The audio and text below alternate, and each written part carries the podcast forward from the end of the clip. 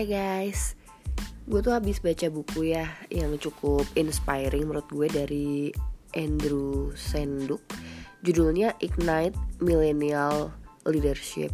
Jadi kayak encouragement kita sebagai pemimpin untuk bisa ngelit millennials yang nantinya diprediksi pada tahun 2025 akan menguasai dunia. Yap, milenial itu memang dianggap sekuat itu apalagi Indonesia dengan kaum muda yang cukup banyak bisa menjadi pusat ekonomi dunia Wow, kalian sebagai anak muda suka gak sih baca buku-buku yang kayak gitu? I think it's such a good book yang harus kalian baca. Setidaknya buku-buku ini yang akan memacu kalian untuk berkreasi lebih gitu loh. Karena setelah baca buku ini aja gue ngerasa kayak wah gila ya ternyata tanggung jawab gue sebagai seorang anak muda tuh segede itu gitu. Bahwa bangsa ini ekonomi dunia ini ada di tangan kita. Jadi kalian jangan hanya menganggap kita itu adalah satu dari sekian miliar orang yang ada di dunia ini. Tapi kita itu adalah satu percikan dari besarnya api dalam dunia ini. Jadi sebenarnya kita tuh sepenting itu guys dalam peran menjalankan uh, ekonomi negara gitu kan So, kalau kalian saat ini sedang mencari motivasi untuk bekerja, motivasi untuk maju, mungkin podcast ini, podcast hari ini bisa menjadi salah satu hal yang membantu kalian untuk mencari motivasi untuk self development.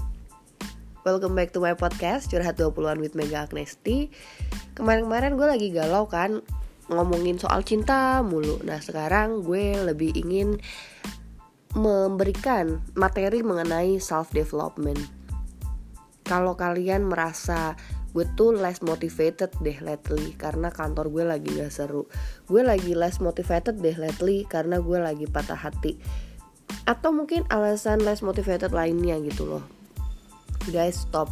Kalau kalian ngerasa saat ini sedang demotivasi karena satu dua hal dan push the pause button in your life. Gue tuh selalu encourage tim gue untuk liburan atau untuk cuti dulu kalau kalian lagi enek banget sama kantor karena menurut gue orang-orang yang akan berkontribusi positif kepada organisasi adalah mereka yang selalu get inspired like every day. Mereka yang selalu menemukan ide kreatif every day. Tapi memang untuk mendapatkan ide kreatif maupun self motivated itu tadi ya, self motivation, sorry. self motivation itu tadi memang diperlukan proses yang panjang. Karena menurut bukunya si Ignite Millennial Leadership ini sebenarnya motivasi dan inspirasi itu dua hal yang berbeda motivasi adalah eksternal faktor seperti kenaikan gaji, promosi, dapat bonus, itu yang disebut motivasi dalam bekerja. Tapi kalau inspirasi itu adalah sesuatu yang kalian temukan dari dalam diri kalian. Misalkan nih, kalian tuh punya visi misi dalam hidup yang sejalan dengan visi misi perusahaan. Nah, dari situ kalian ngerasa cocok nih dapat nih chemistry sama perusahaan dengan sendirinya kalian akan terinspirasi gitu loh untuk berbuat lebih nah Andrew tuh bilang kalau sebenarnya kita itu sebagai millennials tujuan kita dalam bekerja itu udah bukan lagi uang guys tapi sebuah usaha yang dilakukan untuk mencapai visi dan misi hidup kita pribadi. Misalnya nih ya, orang-orang kan punya banyak hal yang ingin dikejar dalam hidup. Ada yang memang ingin financially independent gitu. Jadi dia pengen mendapatkan income sebanyak-banyaknya, motivasinya memang duit, tapi at the end of the day dia akan menggunakan uang itu untuk sumber sumber penghasilan lain. Misalkan dia punya passive income di pasar keuangan gitu. Atau dia lagi ngumpulin duit untuk buka usahanya. Maka dengan sendirinya dia akan terinspirasi untuk terus bekerja terus bekerja terus bekerja gitu kan. Karena dia tahu perusahaan ini hanya sebagai sarana dia untuk mencapai kemajuan dia yang lebih besar lagi di masa mendatang. Ada orang yang mm, suka dengan fancy title gitu. Misalnya kayak gue. Dulu tuh gue kalau kayak nyebut markom eksekutif gitu kayak malu gitu kan. Makin ke sini gue makin pengen dapat title yang fancy misalkan sekarang kayak gue udah dapet title marketing manager ya. Tapi wah kayak marketing manager nggak fancy deh. Gue maunya head of marketing gitu. Ya boleh-boleh aja sih sama kantor. So I get this head of marketing title on me. Tapi kan setelah gue dapet head of marketing gue nggak mau stop. Gue maunya jadi marketing director someday. So I always um, chasing this fancy title. Dan pada akhirnya karena gue punya motivasi gue um, terinspirasi dari sosok marketing director yang selama ini gue lihat gitu pasti gue akan selalu mengejar tujuan itu all the time. Dan ketika gue demotivasi gue akan selalu ingat tujuan itu gitu. Sehingga gue akan selalu berusaha bekerja sebaik mungkin uh, give my best performance dan sampai akhirnya gue mencapai that fancy title gitu. So it just it's more than it's more than the money. It's beyond the salary gitu. Sama satu lagi kadang ada orang yang um, motivasi bekerjanya adalah demi bahagianya keluarga gue gitu. Ya bebas. Jadi dia akan termotivasi untuk terus bekerja ketika semua kebutuhan keluarganya terpenuhi. Apalagi kalau kayak anaknya mau sekolah wah dia semakin rajin gitu kan. Mau beli cicilan rumah eh mau beli cicilan rumah. Mau beli rumah yang cicilannya uh, lebih tinggi lagi daripada yang kemarin gitu. Maka dia akan um, terus-terusan bekerja. Dan pada akhirnya semua orang pasti semua mi punya mimpi masing-masing kan. So kalau kalian saat ini ngerasa lagi demotivasi coba uh, dive diver salah di dive deeper dive deeper in your own self untuk cari tahu apa sih goals hidup gue gitu apakah gue kerja untuk sementara terus nanti gue ingin menciptakan lapangan kerja sendiri?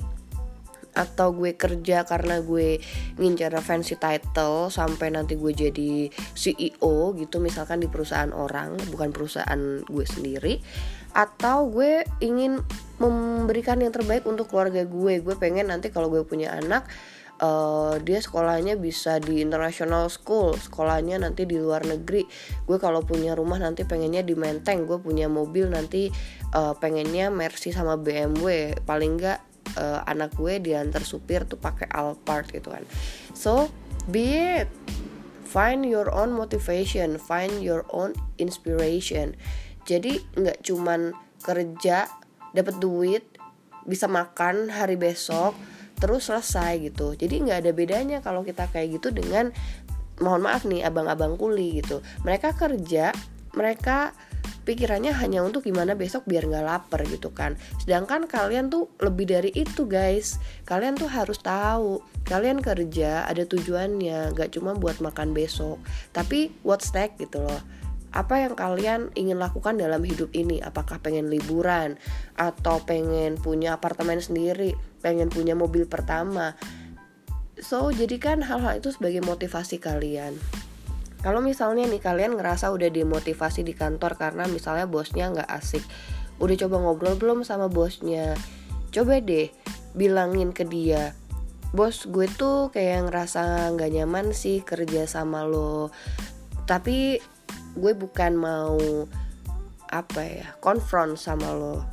Gue tuh merasakan A B C D E F G. Bisa nggak ya bos kita itu lebih mencari harmonisasi gitu dalam pekerjaan? Kalau misalnya lo dapet bos yang open minded sih semua itu bisa didiskusikan guys. Karena gue lebih seneng ya ketika ada orang yang demotivasi datang ke gue dia bilang mbak gue demotivasi deh. Maka gue akan nanya kenapa lo nggak betah kerja sama gue atau gimana. Jadi menurut gue sih bos itu sebenarnya akan terbuka gitu loh guys. Kalau kalian ngomong daripada kalian nggak ngomong tahu-tahu resign aja gitu kan. Kadang gue sebagai atasan tuh juga ngelihat ini anak dimotivasi kenapa ya? Uh, sering kali pengen kasih coaching gitu cuman kadang nggak sempet sempet gitu kan. So kalau kalian making time untuk ngobrol sama bos sepertinya itu hal yang sangat inisiatif yang sangat berharga gitu buat tim. So just talk to your boss discuss it with your boss gitu kan. Nah kalau misalnya kalian ngerasa kalian demotivasi karena perusahaannya yang gak asik misalnya kayak nggak ada kenaikan gaji selama tiga tahun terus um, peraturan perusahaan makin gila kayak lembur nggak dianggap tapi potong gaji mulu kalau telat atau dapat SP uh, kalau telat too many things kan. Jadi tetap aja sih menurut gue harus coba diobrolin sama atasan kalian dulu tentang hal ini atau bisa aja ke HRD karena gue tipe orang yang seperti itu guys. Misalnya gue nggak puas gitu dengan satu hal terhadap perusahaan gue. Gue akan melakukan tiga hal sih. Yang pertama gue akan ganti mindset gue dulu. Kalau gue nggak bisa ganti mindset maka gue akan ganti um, orang-orang. Maksudnya gini.